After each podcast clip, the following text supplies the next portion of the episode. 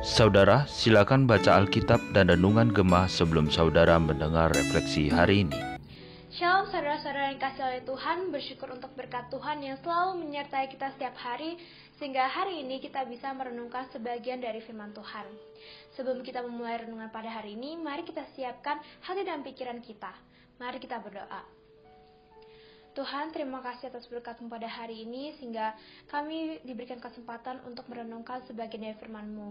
Tuhan, tolong berkati agar perenungan hari ini dapat berjalan dengan baik dan lancar.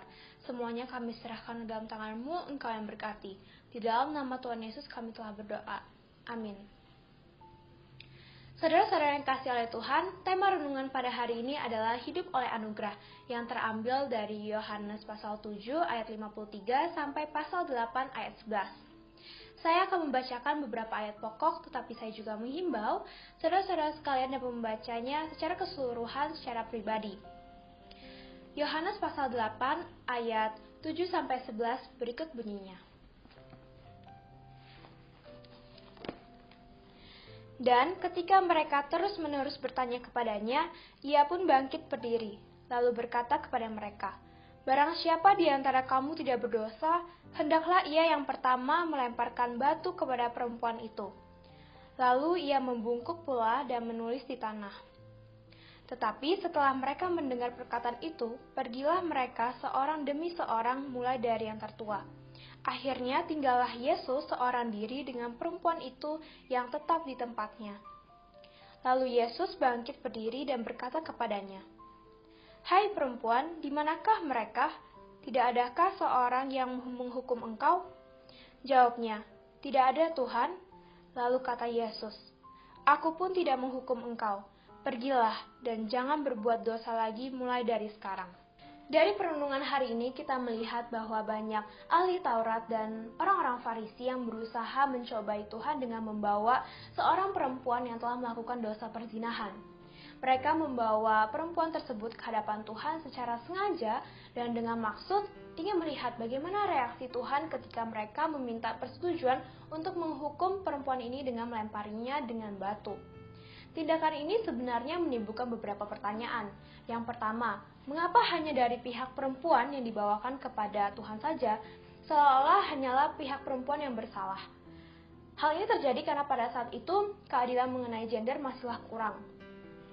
Dan pertanyaan kedua, apa yang mendasari para ahli Taurat dan orang-orang Farisi sehingga mereka sangat-sangat ingin merajam perempuan ini?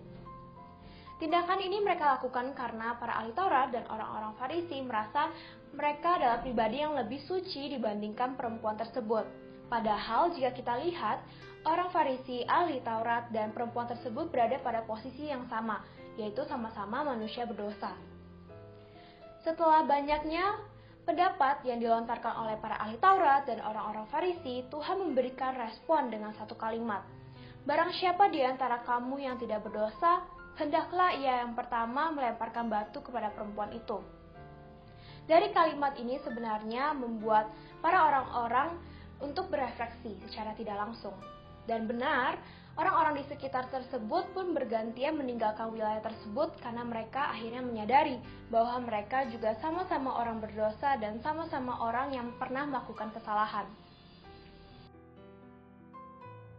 Terkadang konsep hidup yang dipenuhi oleh anugerah Allah merupakan konsep hidup yang sulit dimengerti oleh orang-orang sepanjang zaman, terutama oleh orang-orang yang sangat mengindahkan aturan dan hukum.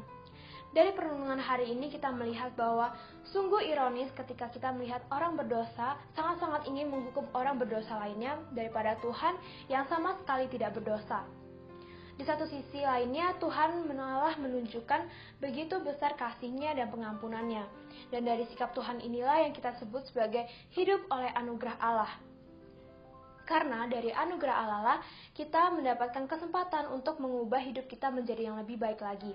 Sama seperti apa yang Tuhan katakan kepada perempuan yang telah melakukan dosa perzinahan tersebut, yaitu jangan berbuat dosa lagi mulai dari sekarang. Hidup yang dipenuhi oleh anugerah Allah merupakan hidup yang saling peduli dan saling memaafkan. Dan hidup yang dipenuhi oleh anugerah Allah merupakan hidup yang saling membangun dan menghasilkan damai sejahtera. Saya ingin bertanya pada saudara-saudara sekalian, apakah anugerah Allah mewarnai kehidupan Anda? Dan apakah orang-orang di sekitar kita merasakan pancaran anugerah Allah melalui kehidupan kita? Saudara-saudara sekalian, marilah kita merefleksikan dua pertanyaan ini. Mari kita berdoa. Tuhan, terima kasih atas berkat-Mu pada hari ini sehingga kami telah menyelesaikan perenungan hari ini. Tuhan, kami di, kembali diingatkan untuk tidak menghakimi orang lain yang telah melakukan dosa.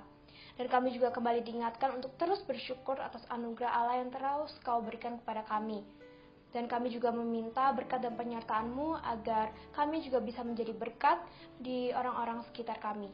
Semuanya kami serahkan dalam tangan-Mu, Engkau yang berkati. Di dalam nama Tuhan Yesus kami telah berdoa. Amin.